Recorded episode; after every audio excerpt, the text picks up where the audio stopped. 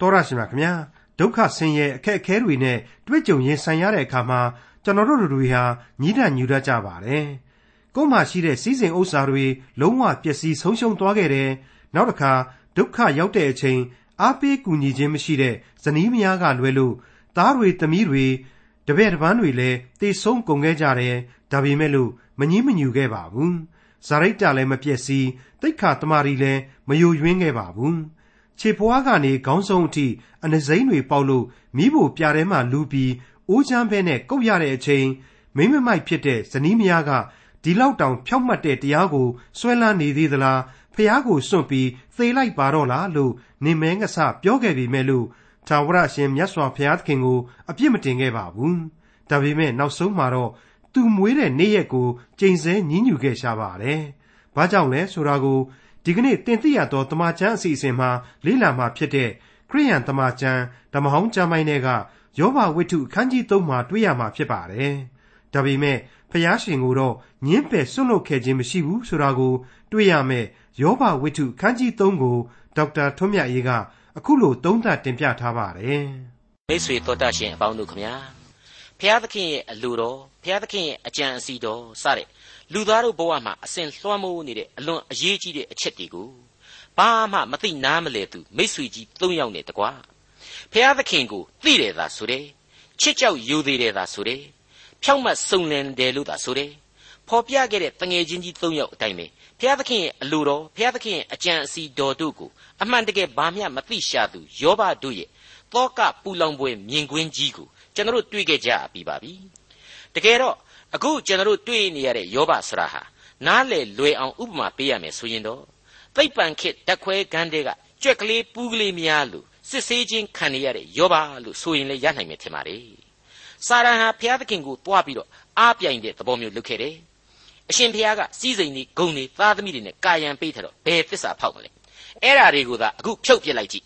ယောဘဆိုတဲ့လူငနေတချီတဲ့ကိုတော့ကိုတစ္ဆာဖောက်ရစေမယ်ဆိုရကနေဒီအဖြစ်တီစတင်လာခဲ့ပါတယ်ဘု ရားသခင်ကလည်းအေးဒါဆိုရင်မင်းသူ့အသက်ကိုမကြည့်ရင်တော့ပြီကြိုက်တယ်လို့စမ်းကြည့်စမ်းဆိုပြီးတော့ခွင့်ပြုတယ်ဆိုတာကိုကျွန်တော်တို့တွေ့ခဲ့ရပြီဖြစ်ပါတယ်ကျွန်တော်ပြောခဲ့တဲ့အတိုင်းပဲဘုရားသခင်ရဲ့အဖန်ဆင်းခံလူသားကိုတစ်ဖက်ကဘုရားသခင်ကကောင်းကြီးပေးလို့သာလျှင်ဘုရားသခင်ကိုသူဟာချစ်လာတဲ့လူသားဖြစ်တယ်တနည်းပြောရရင်တော့ကျေးဇာချစ်သူများအဖြစ်ဖော်ပြလိုက်တယ်လူသားတို့ရဲ့ဘုရားသခင်အပေါ်မှာချစ်ချင်းကိုပြည့်ရည်ပြုလိုက်တယ်တစ်ဖက်ကလည်းပဲဘုရားသခင်ဟာလူလောကကိုကောင်းကြီးတွေနဲ့ပတ်ရတာဟာ သူ့ကိုကိုးကွယ်ယုံကြည်ဖို့သာဖြစ်တယ်ဆိုတဲ့စော်ကားမော်ကားပြုမှုများနဲ့တိုက်ခိုက်လိုက်ခြင်းပဲလို့ကျွန်တော်ဆိုချင်ပါတယ်။စာရန်ရဲ့အဲ့ဒီလိုပြုမှုမှုတွေဟာကောင်းကင်ဘုံရှင်ဘုရားသခင်ရဲ့သားများလို့ခေါ်ပေါ်ထားတဲ့ဘိုးကြီးအပေါင်းတို့ရဲ့ရှေ့မှာတော့အလွန်ရင်သိမ့်တုံပွဲကောင်းသောမြင်ကွင်းအသေးရခြင်းစပွဲမြင်ကွင်းတစ်ခုပဲဖြစ်လိမ့်မယ်လို့ကျွန်တော်ခံယူပါတယ်။မိတ်ဆွေအပေါင်းတို့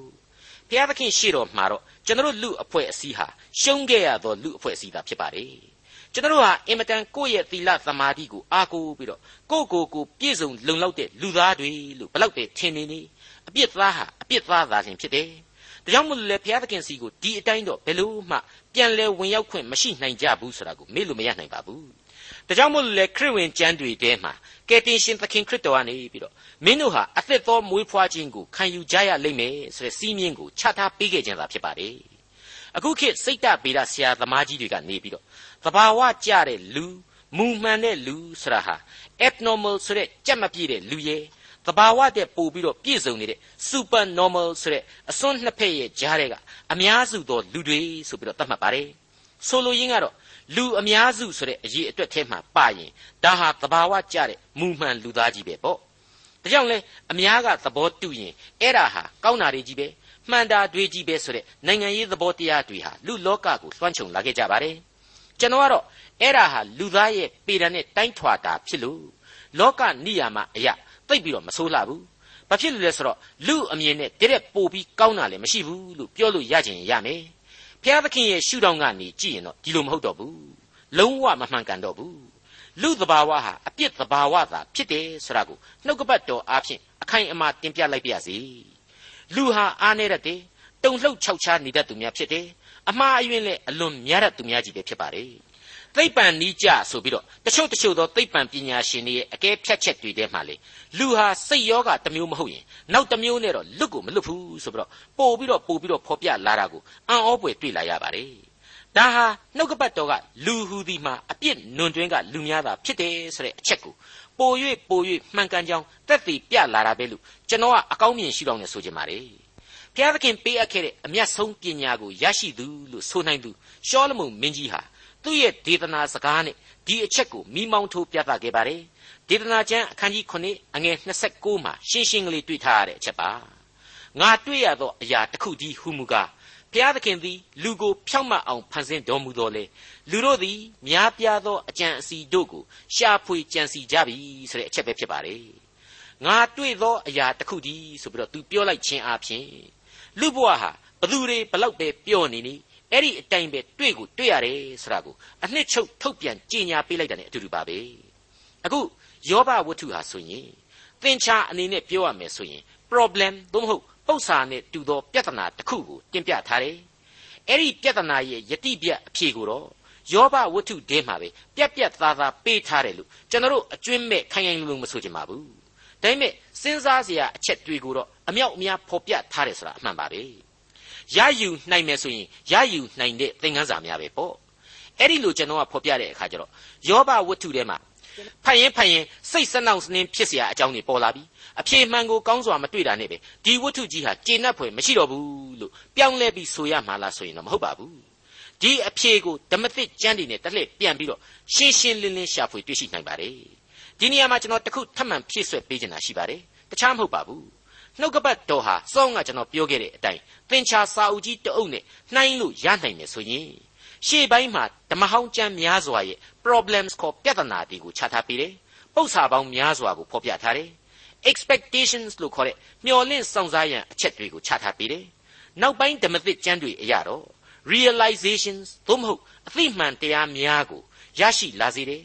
answers သို့မဟုတ်အဖြေများကိုဖော်ထုတ်ပေးသွားတယ်ဆိုတာကိုလေတပါးတည်းမှတ်သားနာယူထားကြဖို့ရမေတ္တာရက်ခံအပ်ပါတယ်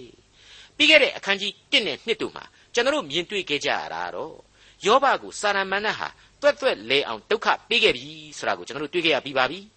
ယောဘဆိုတဲ့လူရိုးလူကောင်းကြီးဖြောင့်မတ်စုံလင်သူဆိုပြီးတော့ဘုရားသခင်ကိုယ်တိုင်ကဖော်ညွှန်းခဲ့သူတယောက်ရဲ့အလွန်ကောင်းမွန်ခိုင်ခံ့သောလုံခြုံရေးအကာအယံတို့ကိုပင်လျင် ကျိုးပေါက်အောင်စာရမဏေဟာဖျက်ဆီးသွားခဲ့ပြီဆိုတာကိုကျွန်တော်တွေ့ခဲ့ရပြီဖြစ်ပါတယ်မိတ်ဆွေအပေါင်းတို့ခမညာဒီအကြောင်းတွေကိုကျွန်တော်ကရှင်းရှင်းလင်းလင်းဖြစ်အောင်လို့အပိုင်းလိုက်ကျွန်တော်ရှင်းလင်းဖော်ပြခြင်းပါတယ်တဲ့အချက်အနေနဲ့ကတော့ယောဘကိုဥစ္စာပစ္စည်းများဖျက်ဆီးတဲ့နည်းနဲ့သူမှွေနှောက်ခဲ့ပါတယ်ဟုတ်ပါတယ်လောကမှာလူဆိုတဲ့တ attva သားလျှင်ဥစ္စာပစ္စည်းများကိုအဓိကလိုအပ်သူဖြစ်ပါတယ် ခွေးကလေးကြောင်ကလေးတွေအပအဝင်တိရစ္ဆာန်လောကကိုလှမ်းပြီးတော့ကြည်ပါမွေးကလေးကသူတို့နဲ့သက်ဆိုင်တဲ့ဝိယုံဟာပတ်ဝန်းကျင်နဲ့အလိုလိုထိမ့်ညှိပြီးတော့ပါဝင်လာပါတယ်လူမှပါဝင်မလာပါဘူးကျွန်တော်မိษွေတို့ဟာမွေးကင်းစအချိန်ကလေးတည်းကသူများကဝတ်စားဆင်ရင်ပေးတာကိုခံရတယ်အ ਨੇ ဆုံးခြီဆောင်နဲ့ပကက်နဲ့ဖြာနဲ့ပန့်ပိုးဖို့လိုကိုလိုလာကြပါတယ်ဒီနောက်မှာတော့ကိုယ့်ဘာသာကိုကိုပြန်ပြီးတော့ဝယ်ယူဆင်မြန်းရတဲ့အရွယ်ရောက်လာတယ်အိမ်ဆောက်ရတဲ့ခေတ်ကိုရောက်လာတယ် အိမ်ဆောက်ရတဲ့အရွယ်ကိုရောက်လာတယ်ဓနိနဲ့သက်ကယ်နဲ့သွတ်နဲ့ဒီအိမ်ကိုမိုးကိုမိုးကာရတယ်မိဖို့ကြောင့်ကိုထူထောင်ရတယ်ဧကန်းကိုတစားဆင်လာကြရပါတယ်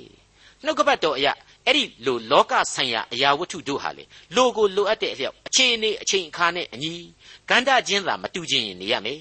ဘုရားသခင်ကပေးစွန်းနိုင်တယ်ဆိုတာကိုသိရသလို အဲ့ဒီလောကဆိုင်ရာပစ္စည်းတွေအပေါ်မှာအလွန်အကျွံဆွဲလန်းခြင်းကိုလေဘုရားသခင်ဟာဘယ်တော့မှအာမပေးခဲ့ဘူးဆိုတာကိုလေကျွန်တော်တို့မငင်းနိုင်အောင်တွေ့ရမှာဖြစ်ပါတယ်အခုအဲ့ဒီဥစ္စာပစ္စည်းများဟာယောဘစီကနေတမဟုတ်ချင်းကွယ်ပြောက်သွားခဲ့ပါပြီနှစ်ဘုရားသခင်ဟာယောဘရဲ့လောကဆိုင်ရာချစ်သူများနဲ့ကင်းဝေးအောင်လို့စာရမဏတ်ကိုမှွေနှောက်ဖို့အခွင့်ပြုလိုက်ပါပြီအဲ့ဒီလိုလောကဆိုင်ရာချစ်သူများဆိုတာ လူတ attva တို့အဖို့သာလျှင်အများဆုံးလိုအပ်တယ်ဆိုရင်ဘယ်သူညှင်းနိုင်ပါလဲအလွန်ချစ်စရာကောင်းတဲ့သားသမီးလေးတွေရှိရင်ပြည့်စုံလုံလောက်တယ်လို့ထင်ကြတယ်ရှိဖို့လည်းအမှန်သိနေမရှိပြန်ရင်လေတူတူမကလေးတွေဖြစ်စေကို့ဘဝအဖို့ချစ်စရာကောင်းတဲ့ကလေးငယ်ကလေးတွေကိုဖြစ်စေရှာရကြစမြဲလေဖြစ်တာများပါတယ်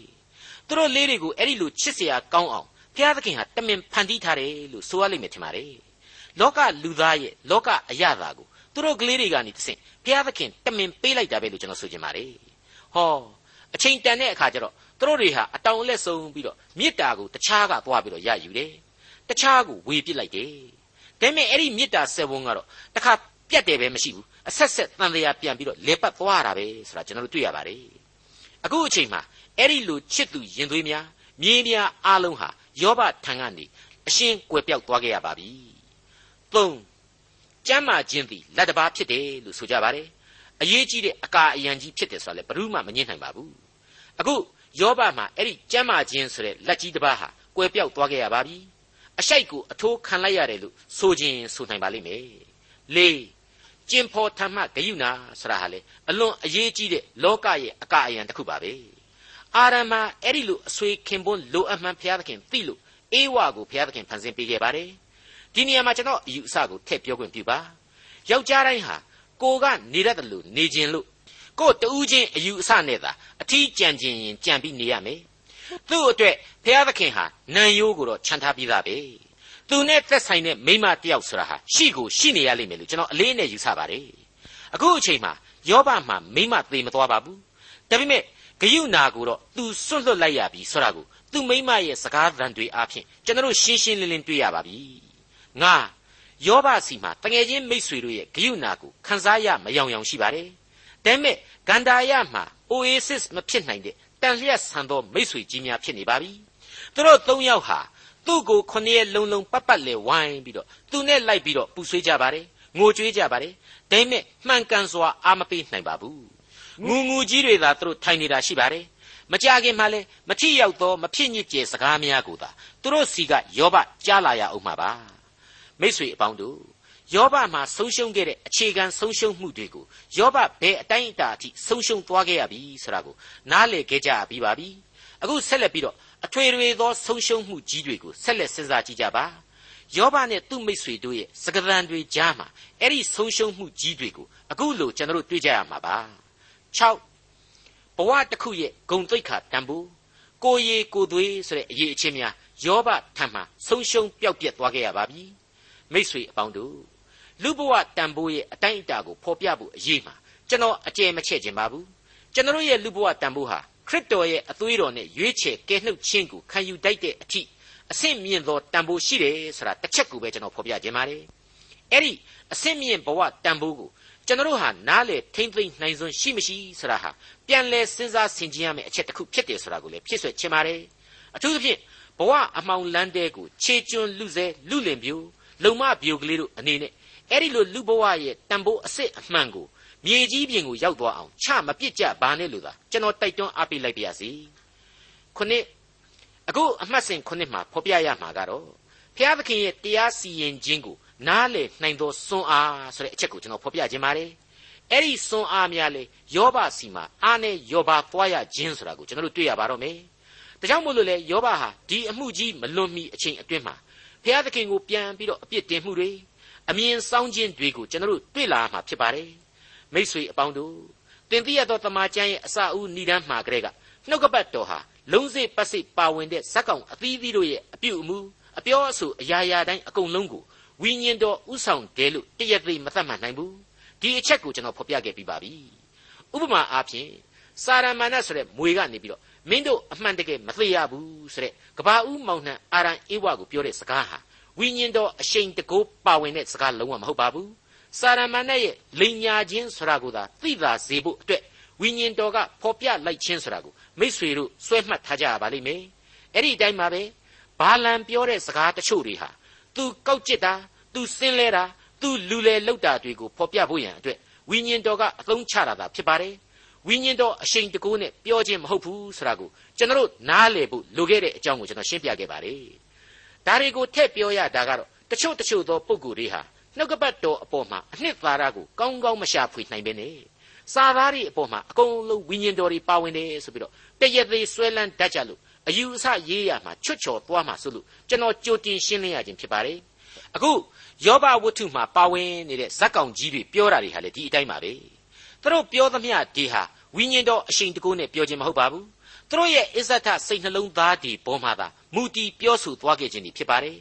ထင်ကြီးနဲ့ရမ်းပြီးတုတ်တာတွေကိုဖော်ပြခြင်းဟာဝိညာဉ်တော်ရဲ့အလိုနဲ့လူတို့ရဲ့စိတ်ထားများကိုပုံဖော်ပြသဖို့ရန်သာဖြစ်တယ်ဆိုတာကိုကျွန်တော်အခြေခံအားဖြင့်ခံယူထားကြဖို့လိုပါတယ်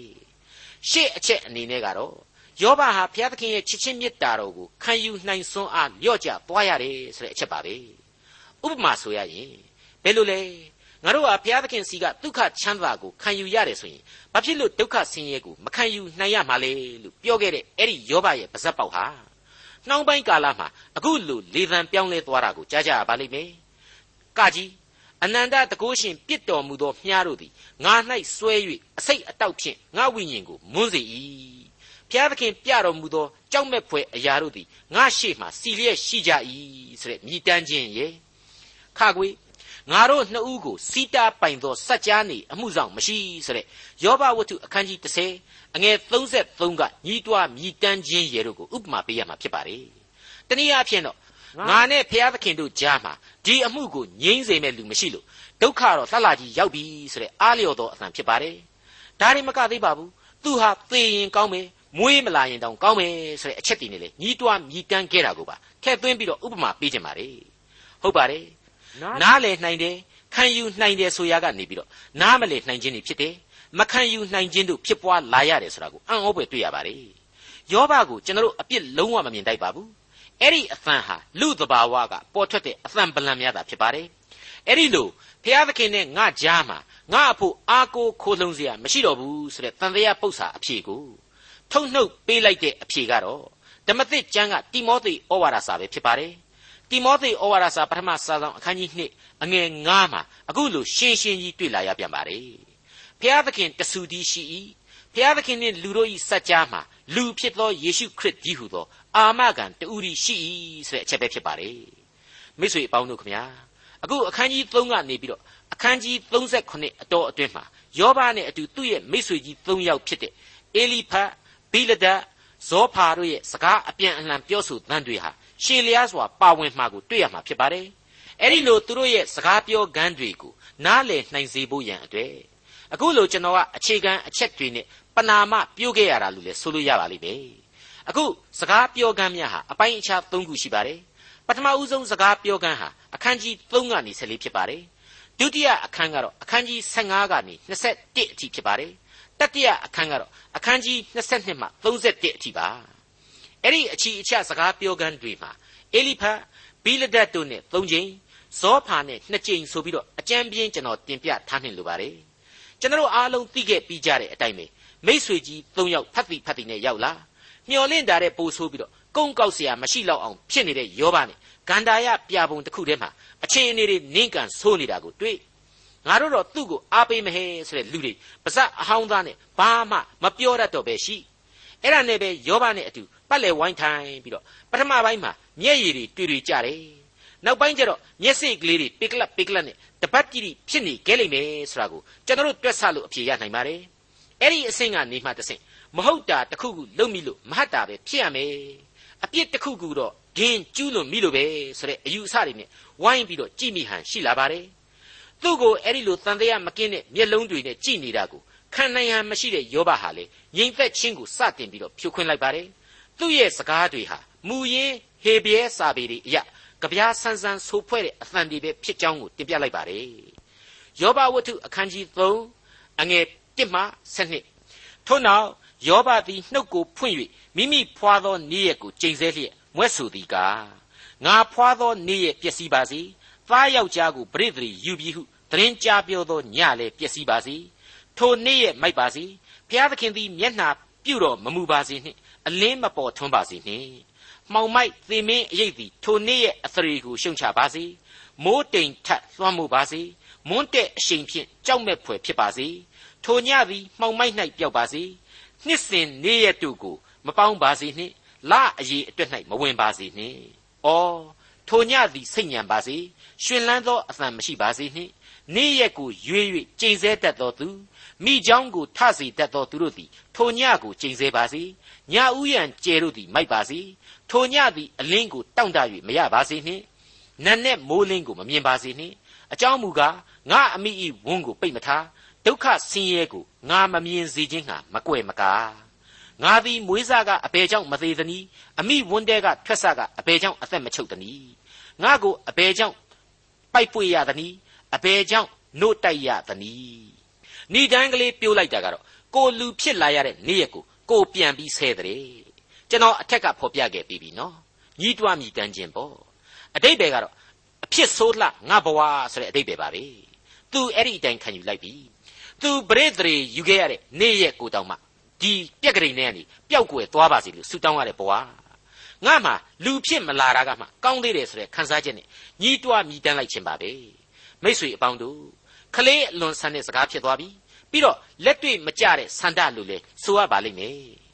ဒီနေရာမှာမွေးမလာရင်ပြီးရောဆိုတဲ့ဆန္ဒဟာဘာကြောင့်ပြုတ်နိုင်တယ်လဲ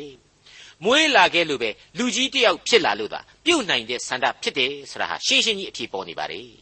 အဲ့ဒီလိုငိုကြွေးမြည်တမ်းခြင်းအပြင်လေဖြစ်ခဲ့ရပြီးတော့လူဘဝဆိုတဲ့အဖြစ်ကတော့တပြားသားမှပျောက်ပြက်မသွားနိုင်တော့ဘူးဆိုတာကိုစဉ်းစားမိကြရပါလိမ့်မယ် နောက်တစ်ဆင့်ကတော့မွေးကလေးကသေလိုက်ရင်ပြီးတာပဲဆိုတဲ့သေတော်မှတိအော်ကောင်းဤဆိုတဲ့အယူအဆဖြစ်ပါတယ်သေခြင်းစိတ်ကြီးပေါ့ဟုတ်ပါတယ်လူမဖြစ်ရင်ကောင်းမယ်ဆိုပြီးတော့လူဖြစ်နေရတယ်သေခြင်းလိုက်တာဆိုပြီးတော့ရှင်သန်နေရတယ်သေခြင်းတိုင်းသေလို့မရနိုင်ပါဘူးအဲ့ဒီလိုညီးတွားလိုက်ရတာကြောင့်ရင်အနည်းငယ်ပွင့်ပြီးတော့နေလို့ထိုင်လို့အနည်းငယ်ကောင်းမလားတော့ကျွန်တော်မဆိုနိုင်ဘူးယောဘကတော့အမှန်တကယ်ပဲအဲ့ဒီအတိုင်းညီးတွားမိတန်းလိုက်ပြီ သူ့အဖို့ရင်ထဲမှာလေအနည်းငယ်များပေါ့သွားလိမ့်မယ်လို့ကျွန်တော်ကတော့အကောင်းဘက်ကတွေးဆပါတယ်ဒီတဲ့တော့ဘာမှဖြစ်လာမှာမဟုတ်ပါဘူးယောဘဟာအဲ့ဒီအဆင့်လောက်မှာပဲကြေကွဲစွာရပ်တည်နေရပါပြီယောဘဝတ္ထုအခန်းကြီး3အငယ်73မှ79ထို့သောမပြုလျင်ငါသည်အိပ်၍ငြိမ်ပြီပျော်လျက်နေရပြီမြို့ပြက်တို့ကိုပြင်ဆင်ပြုစုရသောလောကီရှင်ဘရင်မူးမတ်တို့နှင့်၎င်း ရွှေကိုရရ၍ဗန္တာတိုက်၌ငွေကိုအပြည့်သိုထားသောမင်းတို့နှင့်၎င်းငါငြင်းရပြီသို့မဟုတ်အချိန်နေလမစေ့မီမွေသောသူငယ်အလင်းကိုမမြင်ရသောသူငယ်ကဲ့သို့ငါပျက်စီးရပြီထိုအရ၌လူဆိုးတို့သည်နောက်တဖန်မနှောက်မရှက်ရပင်ပန်းသောသူတို့သည်ချမ်းသာရကြ၏အချုပ်ခံရသောသူတို့သည်လည်းအတူငြိမ်ဝှက်ရကြ၏ညှင်းဆဲသောသူ၏စကားသံကိုမကြားရကြထိုအရ၌ကြီးသောသူနှင့်ငယ်သောသူရှိကြ၏ ကျွန်သည်လည်းသခင်လက်နှင့်လွတ်ရ၏ယောဘဟာအလွန်တနာဖို့ကောင်းတဲ့အခြေအနေရှိနေပါတယ်သူ့ရဲ့ပါဇက်ကသင်္ခါရဓမ္မတေးရှိကြီးကိုညှိတွားမြည်တမ်းလိုက်ခြင်းဖြစ်ပါတယ်မြင်မြင်သမျှအနတ္တဆိုတဲ့သဘောကိုဖော်ကျူးလိုက်ခြင်းလည်းဖြစ်ပါတယ်သေခြင်းတရားဟာသာလျှင်အကောင်းဆုံးအိတ်ဆေးတယ်လို့ပြင်းပြစွာသူခန်းစားရပုံကိုဖော်ပြလိုက်ပါတယ်ဒီတော့ယောဘရဲ့ပူဆွေးစွာတောင့်တခြင်းဟာတိလူဖြစ်မလာရင်ကောင်းမယ်နှစ်လူဖြစ်ခဲ့ရသည်ရှိတော့ စောစောသေခဲ့ရင်ကောင်းမယ်ဆိုတဲ့တောင့်တခြင်းပဲဖြစ်ပါလေဒီတောင့်တခြင်းတို့ဟာယောဘအဖို့တခုမှပြည့်စုံခြင်းမရှိခဲ့ပါဘူးဒါကိုအခုလို့ဆက်ပြီးတော့သူ့ရဲ့မြည်တမ်းဗန်ဒီကနေဖော်ပြနေပါတယ်ယောဘဝတ္ထုအခန်းကြီး3အငယ်20မှ24ဒုက္ခဆင်းရဲခံရသောသူအားအဘယ်ကြောင့်အလင်းကိုပေးသနည်းစိတ်နှလုံးခါသောသူအားအဘယ်ကြောင့်အသက်ကိုပေးသနည်းသူတို့သည်သေခြင်းကိုတောင့်တ၍မရနိုင်ဖွက်ထားသောဥစ္စာကိုဖော်ခြင်းဟာတူးသည်တဲ့ သေခြင်းအကြောင်းကိုဖော်ခြင်းဟာသာ၍တူးကြ၏သူတို့သည်သင်ချိုင်းတွင်ကိုတွေ့သောအခါအလွန်ဝမ်းမြောက်၍အထူးသဖြင့်ရှင်လန်းကြ၏မိမိသွားသောလမ်းကွယ်ပြောက်သောသူဖျားသခင်စီးကာချုပ်ထားသောသူအားအလင်းနှင့်အသက်ကိုအပေကြောင့်ပေးသည်။အစာစားခြင်းအရာ၌ငါညီးတွားခြင်းရှိ၏။ငါငိုကြွေးမြည်တမ်းခြင်းမျက်ရည်သည်လေရေစီးသကဲ့သို့ဖြစ်၏။လူဤဘဝအလုံးဒုက္ခဆိုတာကိုပဲသူမြင်ရပါတော့တယ်။ အဆိုးမြင်ဝါရသမားလို့ဆိုခြင်းရင်လည်းဆိုနိုင်လိမ့်မယ်ထင်ပါတယ်။သွေးပြက်ခြောက်ခြားမှုကိုသိသာစွာသူဖော်ပြလာတာကိုကျွန်တော်တို့တွေ့လာရပါတယ်။သေခြင်းတရားဆိုတာဟာရှင်ခြင်းတပင်မြင့်မြတ်တယ်။အဲ့ဒီသေခြင်းကိုယရနာရွှေရင်းတစ်ခုကိုတူးဖော်သူရှာဖွေသူဟာရွှေကိုမျော်လင့်နေသလိုယောဘဟာလည်းမျော်လင့်နေတယ်ဆိုတာကိုသူ့ရဲ့စကားသံများအဖြစ်အတိတ်ပဲဖော်ယူလို့ရပါတယ်ဒါရှင်းရှင်းပြောရရင်တော့သွေးလေခြောက်ခြားသွားရတဲ့လူတစ်ယောက်ရဲ့ပြရုပ်ပါပဲ လူသားရဲ့အုံနှောက်ဆိုတာဟာအဲ့ဒီတိုင်းပဲတစုံတစ်ခုသောအကန့်အသတ်ကြည့်တော့အလုတ်ကောင်းကောင်းလုပ်နိုင်မယ်ကြတဲ့လွန်လာပြီနယ်နိမိတ်အကန့်အသတ်တွေကြော်သွားပြီဆိုတာနဲ့အဲ့ဒီလူဟာဘယ်လို့မှမူမှန်ခြင်းအစ်စ်မှမရှိနိုင်တော့ပါဘူးအစွန်းတစ်ဖက်ဖက်ကိုကူးမြောက်သွားကြရတာဟာဧကန်အမှန်ပဲဖြစ်တယ်ဆိုတာကိုဒီနေရာမှာတွေ့ရပါတယ်